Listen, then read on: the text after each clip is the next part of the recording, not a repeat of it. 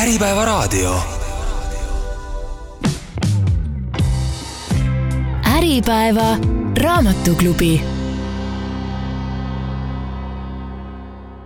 tere päevast, eetris on Äripäeva raamatuklubi, mina olen patsiendiportaali Virtuaalkliinike juht Tuuli Seinberg ning tutvustan täna Äripäeva kirjastuse värsket raamatut Dan Sullivani ja doktor Benjamin Hardi raamatut Kuristik ja kasu sooritushoolikute teejuht õnne, enesekindluse ja edukuse juurde. ja õnne, edukuse ja sooritushoolikute murede teemat aitab täna avada Helena Väljaste, kes on psühholoog ja teadveloleku õpetaja. tere, Helena! tere! inimesed püüdlevad ju alati õnne poole ja soovivad ka olla edukad ja mõnikord käib nende kahe asjaga kaasas selline arusaam, et neid nagu korraga ei saa. et õnn tuleb edule ohvriks tuua. alustame sellest, kuidas sellega on, kas see peab nii olema või saab ikkagi kaks kärbest ka ühe hoobiga kätte? Oo oh jaa, seal lähed kohe niimoodi kohe selle põhiasja juurde, jah. et kas need saavad olla koos. vaata, nii sageli mina olen märganud, mida meie mõistus teeb. tema nagu valib ühe ja teise vahel. et noh, näiteks ma mõnikord inimestelt küsin, et kumb on sulle tähtsam, kas sinu käsi või sinu jalg ja see on huvitav, et inimesed tavaliselt valivad nagu ühe neist, on ju, aa, mu käsi on tähtis sellepärast, et ja kolm punkti. või mu jalg on tähtis sellepärast, et ja siis ma tavaliselt ütlen, et no vaata, seda mõistus teebki. et, äh, et ta nagu valib, aga ometigi sul on käsi, sul on jalg, kas poleks mitte tore, kui sul on need mõlemad? Need on mõlemad vajalikud ja miks peab üldse valima? ja vaata, niimoodi me mõtleme, et kumb on tähtsam, on ju, kas armastus või raha, jah, kas õnn või edu aga mis oleks, kui need mõlemad oleks tähtsad ja et see oleks terviklikkus ja et me ei pea midagi ohvriks tooma selle nimel, et olla edukad raamatu alguses ongi sissejuhatuses kohe öeldud ka seda, et kunagisest Benjamin Franklini ajast vist on pärit selline arusaam või tõdemus, et õnne poole tuleb püüelda. ja sellesse on tegelikult sisse kirjutatud juba see vastuolu, sest see tähendab ju seda, kui ma püüdlen millegi poole, järelikult mul seda praegu ei ole ja järelikult siis õnne üldse ei olegi selles olevikus, selles hetkes, kus me praegu oleme just täpselt ja kui me kogu aeg püüdleme millegi suunas, et aina paremaks, aina paremaks, see on see sooritushoolikute teema juba jah, et kui hakata vaatama, et mis see sooritushoolik on, et äh, noh, võiks seda kuidagi niimoodi võib-olla sõnastada teiste sõnadega, et, äh, et kui inimene noh, seab nagu tähtsaks tegutsemist ja saavutamist ja ja, ja tema väärtus seisneb selles, mida ta teeb. ja siis on vaja kogu aeg midagi sooritada, kogu aeg midagi teha, kogu aeg midagi saavutada, siis kui see on saavutatud, siis järg järgmine saavutus ja järgmine saavutus ja järgmine saavutus. Ja niimoodi nagu justkui ei jõuagi mitte kunagi kohale sellesse kohta, kus ma saan öelda, et ma olen õnnelik, ma olen rahul, ma olen kohal, ma olen saavutanud selle, mis ma tahan, sest see nagu, ütleme, see silmapiir nihkub paigast. ja samamoodi on selle õnnega, et me justkui ajame seda taga, lootuses, et see on kuskil järgmise nurga taga, et kui ma nüüd vaata, et saavutan selle, kui ma ostan selle, kui ma jõuan lõpuks sinna, et vot siis ma võin olla õnnelik. ja sageli inimesed kogevadki seda, et jah, et üürikeseks hetkeks tõesti korraks võib-olla oleme õnnelikud ja siis tuleb see uus eesmärk ja uus sooritus, mida me hakkame taga ajama. ja niimoodi see õnn ka justkui ei ole kunagi käes, ei ole nagu kunagi siin. ja see on, selles mõttes on kahju, et ma näen, et see on üldlevinud tendents ja, ja tegelikult ju inimesed, kui küsida neilt, mida nad tahavad iseendale või mida nad tahavad oma lastele, me kõik tahame tegelikult olla õnnelikud. ja ometigi justkui see ei oleks siin ja praegu, et see on selline huvitav paradoks. me oleme nagu kuskil lõksus kinni sellest lõksust me natukene hiljem kohe räägime, et see ongi see kuristiku lõks, mis siin raamatu pealkirjas ka on ära toodud, aga ma küsin veel õnne kohta, et natukene filosoofilisemaks minnes, sügavamale süüvides, et kas õnn on üldse mingisugune objektiivne suurus või ongi õnn täpselt iga inimese nägu, ehk siis võiks olla siin miljardeid õnnekesi mulle nii meeldib see, mida sa ütlesid, et miljardeid õnnekesi ja iseenda nägu ja ma arvan, et sul on siin õigus. et see, mis teeb ühte õnnelikuks, ei pruugi teist üldse õnnelikuks teha ja nii oluline on ennast tunda selles võtmes, et aga mis suurendab minu õnnetaset ja, ja pürgida siis selle poole, et võib-olla mõnel on see see, kui see järgmine null on kuskil pangakontol numbrite taga ja teisel võib see olla võib-olla, et mul on kvaliteetaega oma perega või et mul on aega, et käia jooksmas. Ja samas see õnne teema on mulle ka väga palju huvi pakkunud, et, et ma märkan ka seda, et et kohati inimeste jaoks nagu õnn mm, seisneb selles, et on sellised positiivsed emotsioonid, mis tulevad ja lähevad, noh emotsioon ei ole kunagi püsiv, noh sa ei kujutaks ju ette, et sa suudad olla kakskümmend neli seitse õnnelik, eks noh, väga tore oleks olla, aga, aga ei ole noh, sest emotsioonid vahetuvad nagu ilm, et kord olen üllatunud, õnnelik, siis tuleb pettumus, on ju, siis on kurbuse noot ja nii edasi. aga ütleme, sellises nagu noh, idamaailma filosoofias on rohkem nagu seda õnne, mis on äh, tingimusteta ja, ja mis on leitav rohkem just siin ja selles hetkes elades, et kui me oskaksime rohkem eladagi selles hetkes tähelepanuga siin ja praegu, mitte ainult kuskil minevikus, tulevikus hekseldades ringi, et siis see õnne kogemus, mitte võib-olla nii tugeva õnne eufooria tundena, vaid nagu sellise rahuliku õnnelikkusena meie sees, on palju tabatavam ja, ja see ongi siin ja praegu. Ehk siis pigem meelerahu või selline rahulolu tehtust, mis samas ei uinuta su sellist ambitsioonikust ja edasisi plaane, et ehk see ei ole selline, et mul on õline naeratus ja, ja ma ei taha enam mitte midagi. Siin on jälle kas see või teine teema, on ju, et, et jälle see mingi huvitav asi, kuhu me nagu satume, et et kui ma olen siin ja praegu juba õnnelik, et see tähendab, et ma ei pürgi edasi, et see ei ole nii, on ju. et kui ma olen siin ja praegu õnnelik, see võib anda mulle tiivad, et liikuda veel edasi, oma õnne veel suuremaks suurendada või lihtsalt panustada maailma, panustada iseendasse, oma lähedastesse, ümbritsevasse ja, ja teha seda hoopis teises kohas, kui on hirm või ärevus, vaid teha seda selle baasilt, et, et mul on rõõm ja mul on heaolu ja ma panustan siit.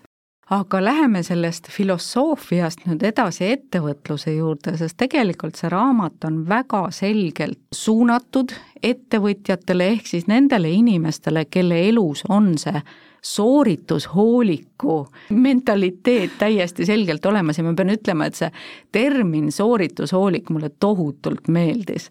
et midagi sellist ma ei olnud eesti keeles kohanud, ma sain aru, et sulle oli ka see täiesti Mul uus termin. jaa, ma defineerisin seda enda jaoks lausa, jah. see on nii täpne, et äh, küll andis ennast ära tunda mõnedes aspektides raamatu autoritest siis, et tegelikult see ei ole siis niisama filosoofiline heietus, vaid ta põhineb ettevõtluskoolitaja Dan Sullivani aastatepikkusel tööl, et ta vist alustas selle ideede testimisega aastal tuhat üheksasada üheksakümmend, üheksakümmend viis juba see kontseptsioon kuristik ja kasu hakkas ilmet võtma ja seda ideed ja kogu tema tegevust on testitud siis tohutu hulga selliste edukate, ambitsioonikate ettevõtjate peal, et ta tõi välja siin, et ähm, see on enam kui kahekümne tuhande ettevõtjaga valimis testitud kontseptsioon, nii et igati siis ka sellistele teadusuuringu kriteeriumitele vastav. ja teine autor, kes siis äh, need ideed suures osas kirja pani, on doktor Benjamin Hardy, kes on organisatsiooni psühholoog ja on lisanud siis raamatusse omalt poolt selliseid äh, psühholoogilisi uuringuid ja, ja teaduspoolt. ma loeks ette alustuseks ühe väikese diiseri Dan Sullivani pühendusest, mis on suunatud just ettevõtjatele. ehk siis ettevõtjate aina kasvav meisterlikkus selle kontseptsiooni ehk kuristiku ja kasu kasutamisel muudab nende elu märkimisväärselt õnnelikumaks.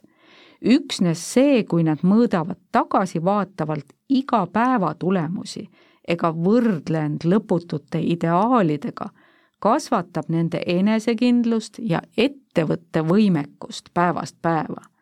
Nende isiklik elu, samuti nende klientide, kolleegide ja nendega koos elavate inimeste elud muutuvad paremaks kõiges, mis puudutab pühendumist ja eesmärke. no see kõlab peaaegu eestlase kõrva jaoks liiga hea, et olla tõsi kõlab tõesti ma praegu kuulasin sind ja mõtlesin, et mulle väga äh, meeldis üks aspekt seal äh, raamatus, kus kirjeldati, et ähm, Dan Sullivani koolitustele noh, pääsevad nagu tippude tipud, no tõesti rikkad, edukad juhid. Ja kui need äh, tippude tipud on koos ja nende käest küsida, et kes teist tunneb ennast edukana, tõstke käsi, siis praktiliselt ükski käsi ei tõuse. et meie võime neid hinnata väga edukateks, aga nad ise kogu aeg tunnevad seesmiselt, et nad ei ole piisavad, nad ei ole veel jõudnud sinna, kuhu nad tahavad jõuda, nad võrdlevad ennast oma ideaaliga ja nad ei ole veel päral. ja siis on huvitav on nende käest uuesti küsida siis seda, et okei okay,, et aga et see on ju probleem, on ju, te olete siin, te ei tunne ennast edukana, kuidas seda probleemi lahendada, inimestel tuleb pähe umbes mõte, et oo, et aga äkki ma ei peaks endale nii kõrgeid eesmärke eesmärke seadma, eks. ehk et ei tulegi pähe see, et äh, võib-olla äh, see, kuidas ma ennast hindan, on vale, et see minu enesehinnangu meetod ei tööta ja siin minu meelest selle raamatu puhul üks äh, nagu hästi ilus või selline nagu, ilus on selle juures see, et see on hästi lihtne, kui nagu tabada pointi. ja point on siis see, et see kuristik, kuhu me satume inimestena, me kõik satume sinna paratamatult, on see, kui ma ennast võrdlen ideaaliga. no ideaalemaga, ideaalettevõtjana, ideaalpsühholoog on ju, või või sõber või, või, või kes iganes, aednik, eks ole, või, või koristaja, kes ma kõik pean olema, on ju, siis äh, nii kui ma ennast võrdlen ideaaliga, nii ma tunnen ennast halvasti, sest ma tegelikult ei ole seal, nagu see ideaal noh, välja paistab, eks ole. see röövib minult õnnetunde kohe ja rahulolu endaga ja ka tegelikult enesekindluse, jah, ja jõu, jõu toimetada edasi.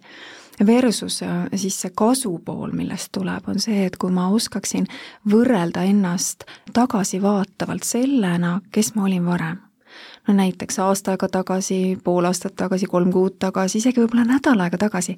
ma ei ole enam see inimene ja see, kes ma täna olen, on võrratult palju kogenum, teadlikum, võib-olla heatahtlikum, targem inimene. ja, ja ma täna olen võib-olla seal, kus ma aastate taguselt võib-olla seda ma ei osanud isegi unistada kes ma täna olen ja nüüd ma elan oma unistuste elu ja kujutad sa siis ette, ma elan seda unistuste elu, on ju, ja ma ei ole õnnelik on ju, et, et, et selles mõttes see, see raamat minu jaoks hästi ilmestas seda, mis asi on tähelepanu reaalsus. Ja see, kuhu ma suunan oma tähelepanu, see on väga võimas, noh, see tähelepanu on üks meie supervõime. ja kui ma suunan seda sellele, mis on halvasti, nii ma kohe näen seda, mis on puudu, mida ei ole, mida ma veel ei oska, on ju, nii ma kohe tunnen eh, ennast halvasti, ma näen neid asju väga selgelt. ja kui ma suunan oma sellesama kvaliteedi, selle tähelepanu sinna, mis on juba hästi, mida ma juba oskan, mida ma teen paremini kui eile, siis tegelikult ma näen neid asju ja seeläbi ma tunnen nagu ennast hoopis paremini. ja et see trikk oleks õppida siis märkama rohkem seda kasu poolt oma elus, mitte nii uppuma sinna kuristikku ära ma tahtsingi natukene rääkida sellest äh, terminite paarist, kuristik ja kasu, et ingliskeelne versioon siis raamatu pealkirjast on The gap and gain, äh, kes inglise keelt mõistab, et äh, samamoodi nagu siis sellised sama algustähega eesti keeles on ka kenasti kuristik ja kasu leitud selline paar aga ilma teemasse süvenemata, kui ma seda pealkirja lugesin, siis mulle tundus, et kas see on mingisugune geopoliitiline raamat, et kuidas orgudes elavad inimesed võiks põllumajandusest võimalikult palju sellist tõhusat saaki saada või, või midagi sellist. et natukene võib tunduda veider, see, see sõnapaar ja terminite paar, aga samas jah, kui ma visualiseerisin endale seda kuristiku poolt siis kui võtta silme ette kaks tooli, et üks on see, kus sa istud praegu, need sinu praegused tegevused, ja siis on see ideaaltool, kus sa peaksid olema siis enda mõtetes, et see ideaal, mille poole sa pürgid, ja nüüd, kui sa vaatad seda, mis lahutab neid kahte tooli, siis nende vahel oleks nagu kuristik. Ja kui sa näed seda kuristikku ainult, et siis ongi nagu see kuristiku pool. kättesaamatu lausa ja, ja, ja tegelikult et... ju ei mõju motiveerivalt et see võib röövida hoopis julguse tegelikult sinna, sinnapoole liikuda ka. jah, või siis rühid, aga rühid nagu mingi sellise nagu, nagu noh, nagu, nagu niisuguse noh, nagu ütleme niimoodi töökalt, mitte, mitte mänguliselt, jah kilplase moodi just, energia seal taga on hoopis teine, on ju. Mhm. aga seesama kuristik veel, et äh, võtame kõigepealt selle niimoodi põhjalikumalt ette, et äh, kas selle kohta võiks tegelikult ka öelda, et see on nagu selline pessimism inimeses või kartus midagi head loota? Et eestlastel natukene kipub olema seda mõtlemist, et ei taha ära sõnuda nii-öelda. me ei ole enam sellised metsausku, aga kuhugi on talletunud see, et noh, mis ma siin ikka kiitlen ja et et pill tuleb pika ilu pill peale. tuleb pika ilu peale ja kõik sellised mõtteviisid, et et mulle tundub, et meid sinna kuristikku nagu koguneb ikka. Mhm. no meil eestlastena on jah see vaade, aga siit raamatust tuli minu meelest rohkem välja nagu just selline ameerikalik mindset, et et kuidas on vaja nagu ikka noh, saada noh, kõik miljonäriks, on ju, Rentslist miljonäriks.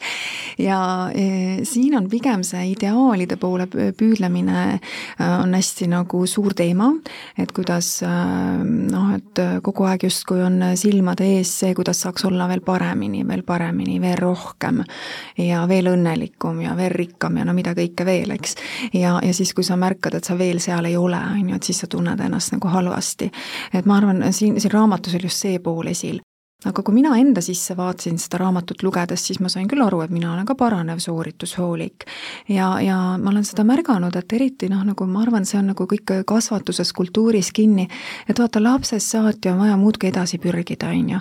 see lasteaed saab läbi, on vaja kooli minna, hästi õppida, siis sa saad võib-olla veel paremasse kooli, siis saad veel ülikooli sisse, siis sa saad heale töökohale, kogu aeg on vaja nagu edasi püüelda, püüelda, püüelda.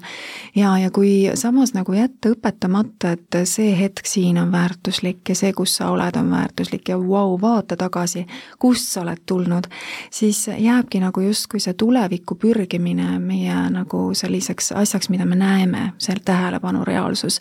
ja, ja see hetk kahvatub selle kõrval, sest ma ei ole ikka veel kohal. natukene nagu perfektsionism mm, -hmm, eks ole? et võiks olla niimoodi, et sooritushoolik, et, et see on nagu selline perfektsionismi aktiivne teguviis jah, jah, võiks olla küll nii, jah.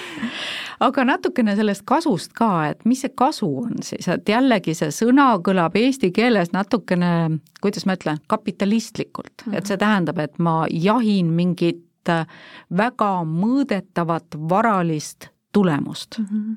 jah, seda kasu on võib-olla isegi natuke raske eesti keeles tabada, nagu sa ütlesid, kuristik on nii visuaalne, aga kasu ei ole, eks. et kui ma proovin seda ka teiste sõnadega võib-olla öelda, et siis see kuristik on see, et mul on tunne, et ma ikka ei ole seal veel ja ikka ei ole piisavalt ja ja ikka midagi puudu ja nii edasi, siis kasu on see, et äh, ma saan olla rahul sellega, mis on, ma märkan seda, mis on juba hästi et ma näen äh, tõesti nagu ütleme seda, seda, mis mul on, versus mitte seda, mis mul ei ole aga kas seal kasu juures ei ole ühte ohtu, nimelt seda, et ma vaatan, mis mul on ja mõtlen, et ah, ma ei viitsigi rohkem punnitada. et kuidas see nagu sellisele ambitsioonikale ettevõtjale siis võiks sobida? Jah, no vot jälle saime tulema, on ju, et justkui peaks valima ühte-teist, on ju, et see me kohe tuleme, vaata see mõistuse trikid, on ju, et ma ei saaks nagu mõlemat valida. a la, et ma olen ilus ja tark, on ju, et et samamoodi, miks ma ei võiks olla täna siin ja praegu õnnelik ja tegelikult ikkagi edasi pürgida oma elus. sellepärast, et äh, kui ma ei õpi olema selles hetkes õnnelik, siis mis hetkes ma seda oskan see on ju tegelikult õpitav oskus, on ju. õpitav oskus märgata seda, mis on hästi, õpitav oskus olla tänulik selle eest, mis on, võtta ilusaid hetki vastu, nautida neid selle asemel, et hüpata järgmisesse hetke kohe sisse, on ju, arutult.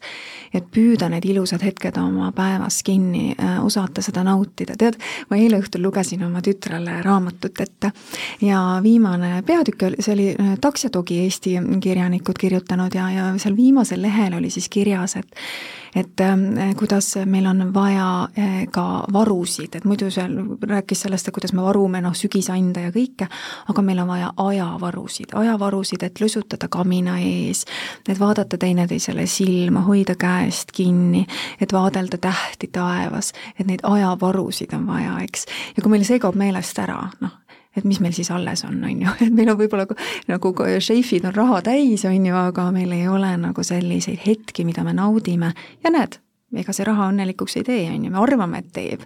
aga tegelikult teeb see, kui ma oskan selles hetkes rõõmu tunda, õnnelik olla nojah, et raha mõistes siia tuleb see Maslow püramiid mängu, et, et sul peavad need baasvajadused olema täidetud ja siis sa saad sealt edasi minna, et mingil määral tänapäeva ühiskonnas ikkagi ta on selline õnnefaktor ka, et rahulolu faktor, eks ja. ole, aga sinna peale, mis sa siis ehitad? et mingi tasandini on see hädavajalik pluss veel sotsiaalne kuuluvus, turvatunne ja kõik sellised asjad, aga aga mingist hetkest noh, on see, muutub selliseks obsessiivseks võib-olla, et ma nagu äh,, nagu raamatus on ka toodud obsessiivne kirg, on ju, ma muudkui ajan midagi välist taga, arvates, et see teeb mind õnnelikuks, versus oli seal üks selline huvitav sõna nagu harmooniline kirg, mis tähendab siis seda, et ma teen seda, mida ma teen, sest mul on lihtsalt selline sisemine motivatsioon, mul on nagu kirg selle tegevuse vastu.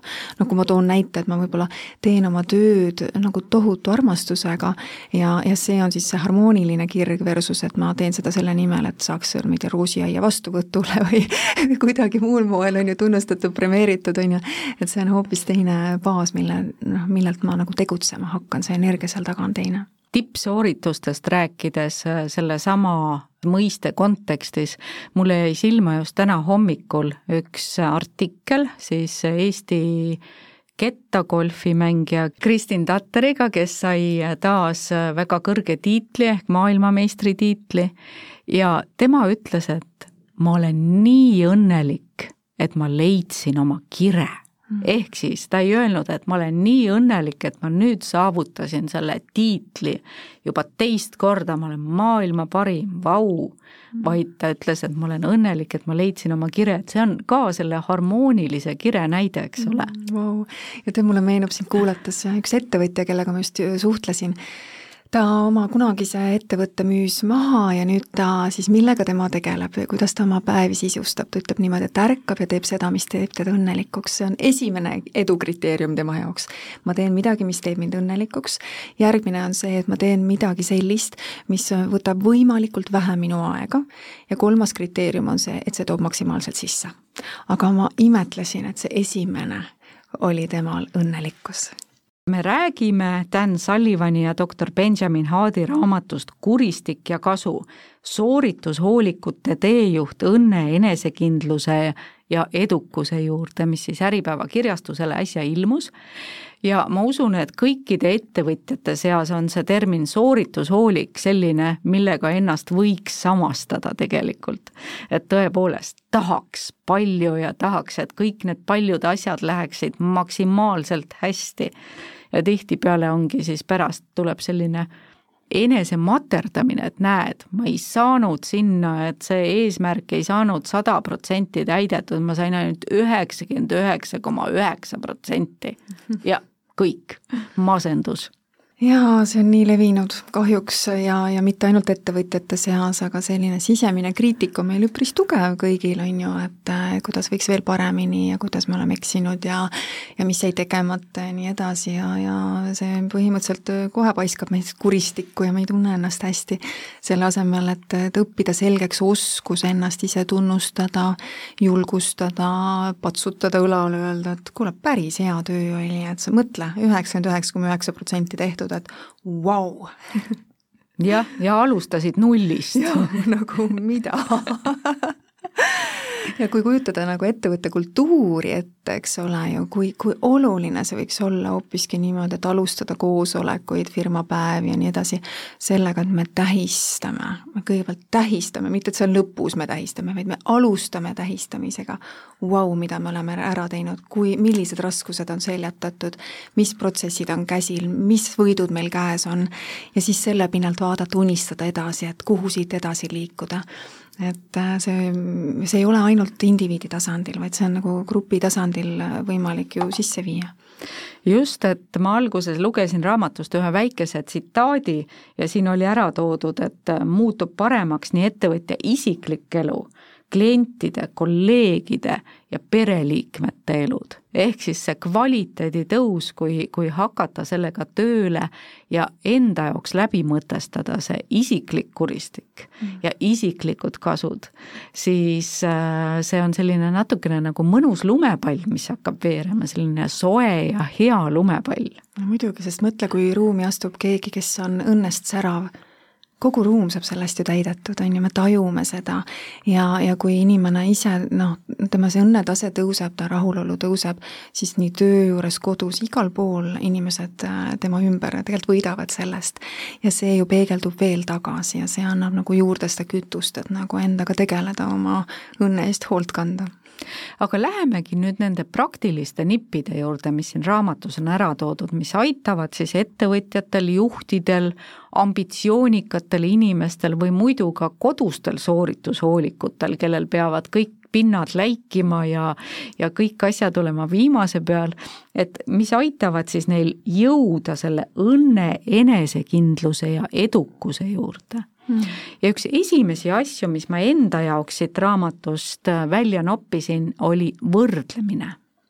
ehk siis me paratamatult võrdleme ennast kogu aeg, et ma vaatan sind ja mõtlen, et oi kui ilus või et äh, vaatan mingit maja, oi kui palju ilusam kui minu kodu mm. või vaatan mingit ettevõtjat, et oi, tema on küll edukas, mina temaga võrreldes ole mitte keegi. Mm.. et see on üks suur selline kuristikulõks ja tegelikult äh, siin on antud ka need sellised väga head äh, nipid, et kuidas seda võrdlemist siis, kuidas sellest nagu välja tulla. mis sinu jaoks siit silma jäi kõige rohkem selle võrdlemise teemal mm? -hmm.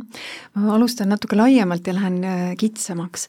et võrdlemine iseenesest selles ei ole mitte midagi halba, võrdlemine on väga oluline oskus, mõtle, kui mul on kaks pastakat näiteks ja ma olen neid võrdlemas, on ju, omavahel, et kumb on parem pastakas minu jaoks, ma saan katsuda seda, on ju, kuidas ta käes tundub, milline on ühe või teine äh, see selline tunnetuspaber, paberil ja see on väga oluline ja niimoodi elus noh, asju võrrelda, äh, me saame taipamisi, on ju, et mis on parem, mis on halvem, äh, mis sobib, mis ei sobi ja nii edasi, see on hästi oluline. aga kui me hakkame ennast võrdlema teistega, nagu iseennast teistega, et siis see on küll selline paras lõks kannatusteks. ja mõlemat pidi kannatusteks, selles mõttes, et kui me võrdleme ennast kellegagi, kellel on paremini, siis koheselt ma tunnen ju halvemini ennast, on ju, et mina ei ole nii piisav, nagu tema on, jah. aga kui me isegi võrdleme võrdlema ennast kellegagi, kellel on halvemini, on ju võib-olla hetkeliselt isegi tunneks nagu uhkust või rahulolu, et näe, vaata, mina olen ju päris hästi hakkama saanud oma elus.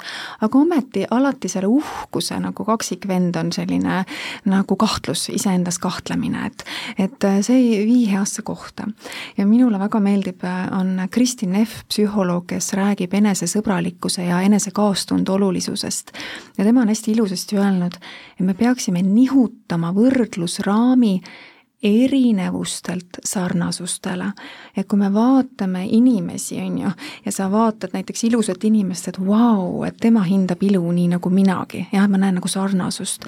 või et sa näed kedagi, kes on kurb ja siis sa mitte ei võrdle ennast, et oo, mina olen palju õnnelikum, vaid vau, et ka mina tean midagi kurbusest, midagi, mida tema läbi on elamas. ehk et inimestena pigem me võiksime näha sarnasusi ja see ühendab meid, mitte ei eralda meid aga nüüd, kui tulla selle raamatu konteksti, siis siin ka võrdlemine on üks oluline noh, nagu märksõna, just see, et me automaatselt harjumuslikult äh, ja täiesti endale märkamatult sageli äh, võrdleme ennast ideaaliga ja justkui tahaks see ideaal olla ja ometi unustame ära, et ideaal on selline nagu pigem nagu kompassi nagu suund, on ju.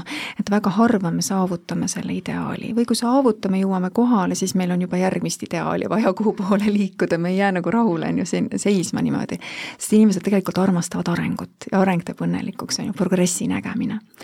Ja siin üks selline vasturetsept on siis pigem mõõta ennast tagasiulatuvalt ja vaadata minevikku, et äh, kuidas olid asjad kümme aastat tagasi, kes ma siis olin, kus ma olin, mis oli minu edu kriteeriumid siis, aa, ja vaadata, vau, mis tee ma olen maha käinud ja niimoodi tasapisi tulla nagu edasi ajas, kuni võib-olla vaatad ennast kolm kuud tagasi, et milline sa siis olid ja milline sa nüüd oled.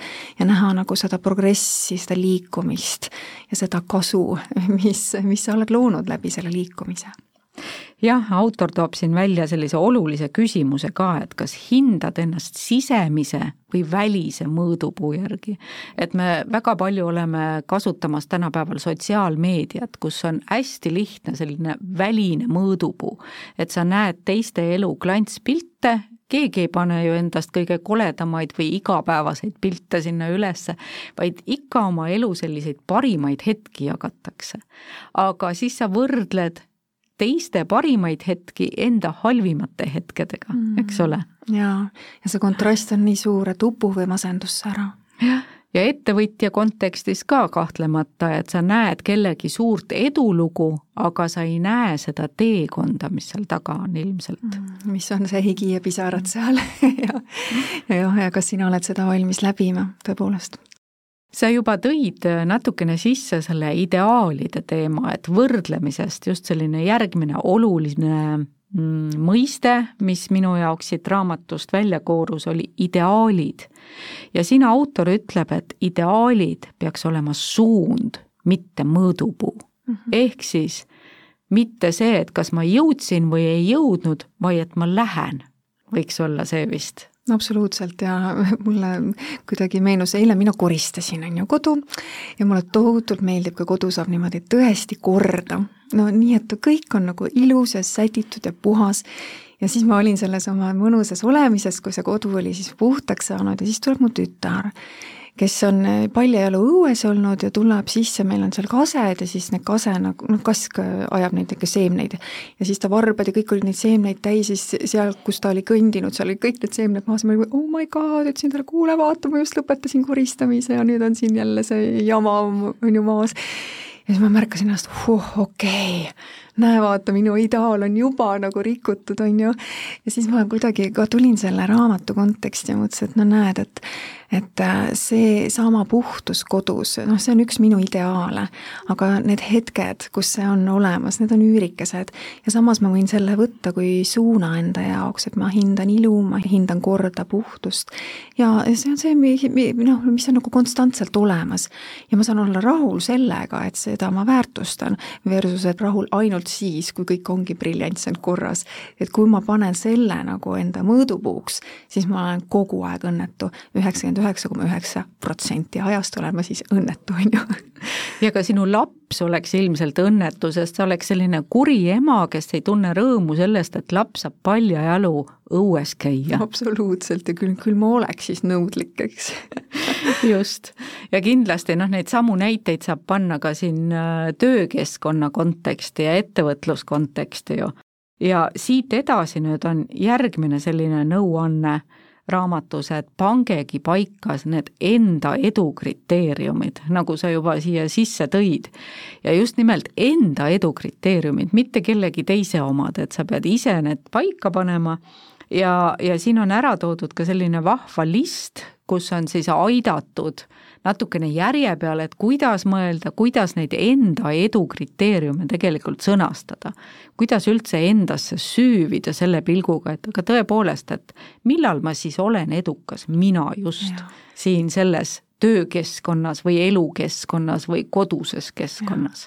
see hästi hea küsimus on, et kui keegi tahaks selle läbi teha, et äh, ma tean, et ma olen edukas siis, kui kolm punkti.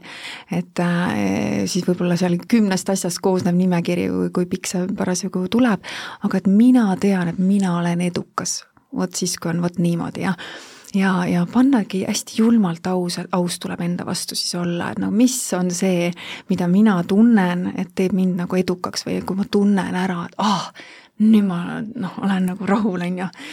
ja see võib olla hoopis muu, kui, kui sa arvad, et see on või sa oled harjunud teisi nägema, et nendel on ma toon siin näiteks Dean Jacksoni nimekirja, ta on siis turunduse ekspert ja ettevõtja ja tema tegi endale sellise nimekirja, number üks oli tema nimekirjas see, ma võin ärgata iga päev mõeldes, mida ma täna teha tahaksin. väga oluline mõte tegelikult ja just see järjestus on ka võib-olla oluline, et tõepoolest, et kui on kümme edukriteeriumit või nagu kevades oli, et kui kõike rehkendust ei jõua, siis tee pool, et mis on need sinu jaoks tähtsamad ja mis vähem tähtsad, võib-olla ka selles gradatsioonis paika panna. Ja tema viimane oli siis see, et võin igal ajal töökoha üles öelda. Mm,. jaa. Ja, ja ma olen üksjagu äh, ettevõtjaid, juhte nõustanud ja üksjagu näinud neid juhte, kes on muudkui ajanud mingit välist eesmärki taga, sellist, et on mingi, mingi number seal konto peal või, või mingi tulemus saavutatud ja väga sageli ma näen seda kohta äh, nõustamises, kus nad on selle saavutanud ja nad ei ole ikka õnnelikud veel või noh, midagi nagu saavad nad siis aru, et issand, et see ei teinudki mind õnnelikuks. ja tulevad hoopis teised edukriteeriumid. ehk et mida ma tahan viidata, on see, et, et need edukriteeriumid ajas muutuvad ja see on täiesti okei okay., see ongi kihvt, on ju, et sa võib-olla saavutadki lõpuks selle numbri ära ja siis vaatad üle, on ju, okei okay,, aga mis nüüd on minu edukriteerium ja võib-olla see on tasakaal pere ja tööelu vahel, võib-olla see on see, et mul on aega sportimiseks, selleks, eks. et hoopis teised asjad tulevad, on tähtsad.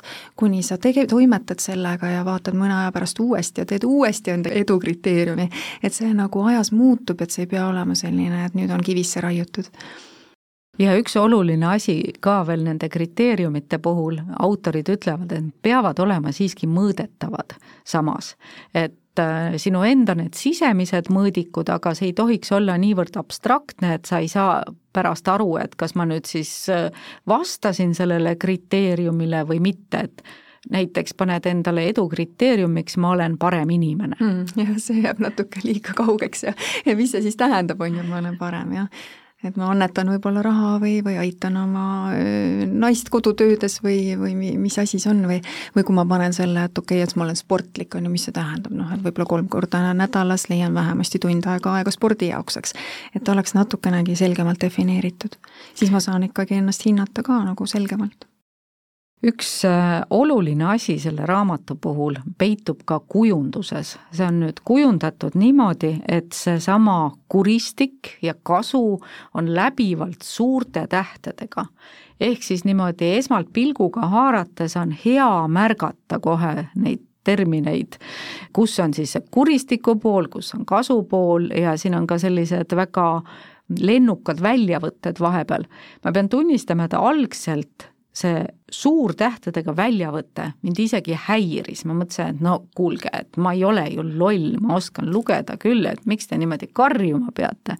aga lõpuks ma sain aru, et see on ka üks kasu, mida esialgu ei osanud märgatagi.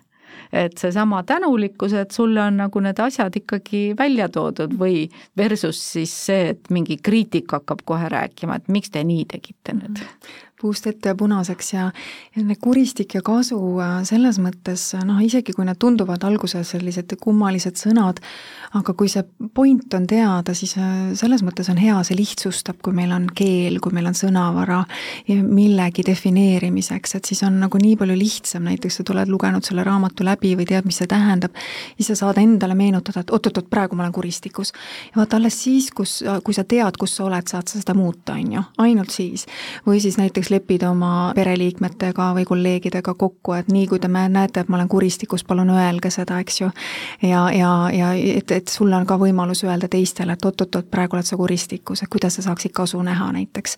et äh, kui need on sellised terminid, mis tulevad noh, kasutusse ka sinu lähedaste, sinu tuttavate kolleegidega, et siis, äh, siis sellest võib nii palju kasu tulla me oleme rääkinud, et see on nagu ettevõtjate kontekstis, koduses kontekstis, ükstapuha millises täiskasvanud inimese siis eluvaldkonnas oluline põhimõtete paar, millega ennast kogu aeg niimoodi testida, et kas ma olen kuristikus või kasupoolel mm, -hmm. aga siin toovad autorid välja ka, et tegelikult see on üks asi, mida me võiks õpetada oma lastele kuidas just nimelt ise seada neid sisemisi mõõdikuid ja kuidas enda edu kriteeriume paika panna, et nagu sa enne siin tõid välja, et jah, et üks kool, teine kool, kõik viied, A pluss, cum laude, et siis sa oled edukas, aga lapse enda sisemised edukriteeriumid võivad olla midagi muud.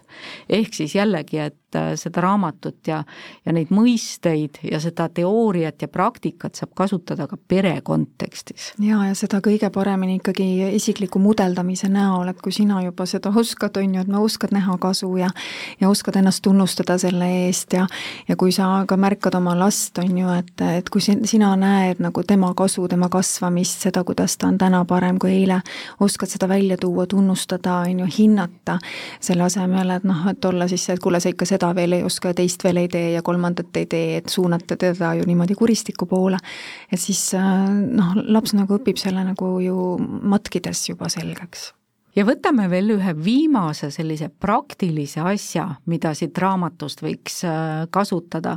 see on üks oluline mõiste jällegi, täideviimiskavatsus mm. -hmm. kuidas sa seda lahti seletaksid?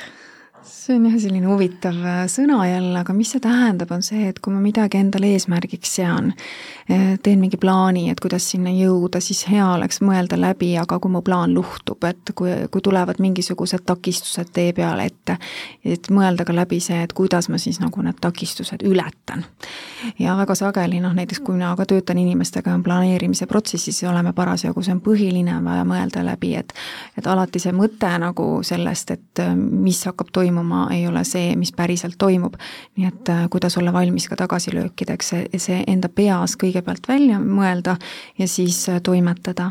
ja noh, näiteks siin ütleme, võib enda jaoks välja mõelda, et kui mina olen parasjagu, märkan, et ma olen kuristikus, jah, et ma näen seda, mis on halvasti ja mis ei ole veel piisav, on ju, et siis on mingisugune väike asi, mis mulle meenutab, et mida ma saan teha, näiteks korra näiteks lepin endaga kokku, et iga kord, kui ma olen kuristikus, luban endale ühe minuti seal olla, olla ja siis hopsti, kohe hakkan vaatama kasude poole peale näiteks või või siis on mul meeles küsida, aga mis on hästi juba praegu, on ju, millest ma saan olla praegu siin tänulik. et, äh, et sellised väikesed toimivad võtted, et kuidas aidata ennast välja, sest kuristikku nii või naa me satume, see on hästi loomulik, see on väga libe tee, sinna on väga kerge minna. aga et kuidas näha seda kasu poolt ja üha kiiremini ja üha rohkem, et see nüüd vajab küll praktikat ehk et ei tasu unistada sellest, et me kuristikku ei satugi, kui me selle raamatu oleme läbi lugenud, vaid pigem, et kuidas seda kuristikus olemist ka maksimaalselt ära kasutada, et jõuda selle läbi kasu poolele, et raamatus on ka ära toodud vahvasti selline mõtestamine, et head asjad meie elus juhtuvad selle tulemusena, mida me oma orgudes ehk kuristikes teeme. Mm et ongi, kuidas me seda mõtestame, nagu sa ütlesid, et oled seal kuristikus, tunnetad, kus sa oled, miks sa seal oled ja sul on olemas see plaan, kuidas sealt välja minna. Ja noh, siin võiks küll öelda, et see teeb tugevamaks võib-olla. jaa, ja seesama, et meil on võimalus ju arendada endas oskust, et kui meil juhtub noh, mingi tagasilöök, mingi probleem elus, et kuidas ma ei jää sinna kinni, vaid muutun noh, selles osas nagu kuulikindlaks, et et ma üritan ka siin leida selle kasu, ahaa, mida ma siit nüüd õppisin, mida ma saan tulevikuks kaasa võtta. ja ka töötada oma mineviku kogemused, mälestused selle prisma äh, läbi nagu läbi, et mitte olla selles nagu halvas enesetundes, selles traumas kinni, kuivõrd võtta just see õppetund kaasa, võtta see tänukoht kaasa, minna edasi. ja mulle meeldis väga selle raamatu juures see praktilisus ka, et seal oli palju erinevaid praktikaid, mida tõesti kui hakata kasutama, need loovad tulemust, no näiteks üks oli see, et iga õhtu enne magama jäämist mitte scroll ida oma telefonis, mida teeb üheksakümmend seitse protsenti inimkonnast, vaid äh, võtta see püha aeg endale ja mõelda korra päevale tagasi ja leida kolm kasu sellest päevast, et mis läks hästi, mis õnnestus, äh, teha endale selles mõttes nagu pai ja siis mõelda järgmise päeva peale, aga mis oleksid kolm kasu, mida ma sooviks luua järgmises päevas. ja niimoodi iga päev natukene tehes juba tegelikult me treenime oma tähelepanu märkama rohkem kasusid ja me tuleme sellest kuristiku mentaliteedist välja ma ei küsi lõpetuseks, kellele sa seda raamatut soovitaksid, vaid ma küsin, kuidas sa soovitaksid seda lugeda? Vau, kui huvitav küsimus. mina soovitaks lugeda seda sellisel moel, et võtta pause ja tõesti teha neid erinevaid küsimusi kaasa. sest nii sageli minu meelest on nagu see raamatu lugemine, aa, mingid harjutused on noh, noh, loen läbi, tegelikult kaasa ei tee. aga siin on tõesti, et kui nagu võtta see nagu käsiraamatuna ja tõesti teha paus, lugeda see küsimus, mõelda korra enda jaoks läbi, seostada hästi palju enda eluga ära, siis nii palju võib siin näha haakuvust, sest see on kuidagi nii üldinimlik, mis siin kirjas on ja, ja tegelikult väga kasulik. ma soovitaks lugeda lihtsalt lugeda ja leida see enda konks sealt, proovida läbi nende näidete, mis on raamatus toodud, seal on hästi palju juhtumeid ka, siis haakida ennast, leida need sarnasused, erinevused ja ka endaga võib-olla paremaks sõbraks saada üleüldse seda raamatut lugedes. just, ja võtta midagi praktiseerida, näiteks mina võtsingi need kolm kasu igal õhtul läbi mõelda enda jaoks ja see on olnud päris põnev äh, protsess, sest mina näiteks avastasin, et ei olegi lihtne ainult kolme leida ja prioritiseerida, mis siis nagu, nagu, mis need on need kolm, on ju, kui neid on palju jah, leiad ühe, siis tulevad järgmised üheksa mm -hmm. ka juba. ma loen lõpetuseks sellise positiivse lõppsõna siit raamatust, mis võiks siis inspireerida seda teooriat praktikasse viima. kui valite kasuelu, muutute aukartlikumaks ja selgepilgulisemaks kui iial varem Te muudate õnne oma lähtepunktiks, mida laiendate ja kasvatate iga päev. nüüd tuleb teil endalt küsida, kui kaugele ma jõuan. Te olete ainus inimene, kes saab sellele küsimusele vastata. olete ainus, kes seab endale standardid ja olete ainus, kes otsustab teie liikumissuuna üle see oli raamat Kuristik ja kasu, sooritushoolikute teejuht õnne, enesekindluse ja edukuse juurde, mille leiate siis Äripäeva e-poest aadressilt pood.aripäev.ee. see oli Äripäeva raamatuklubi saade, ma tänan Helena Väljastet sellest raamatust rääkimast ja oma isiklikke kogemusi jagamast ja ma loodan, et pärast selle lugemist on kõik natukenegi rohkem siis kasude poolel. aitäh kuulamast! aitäh!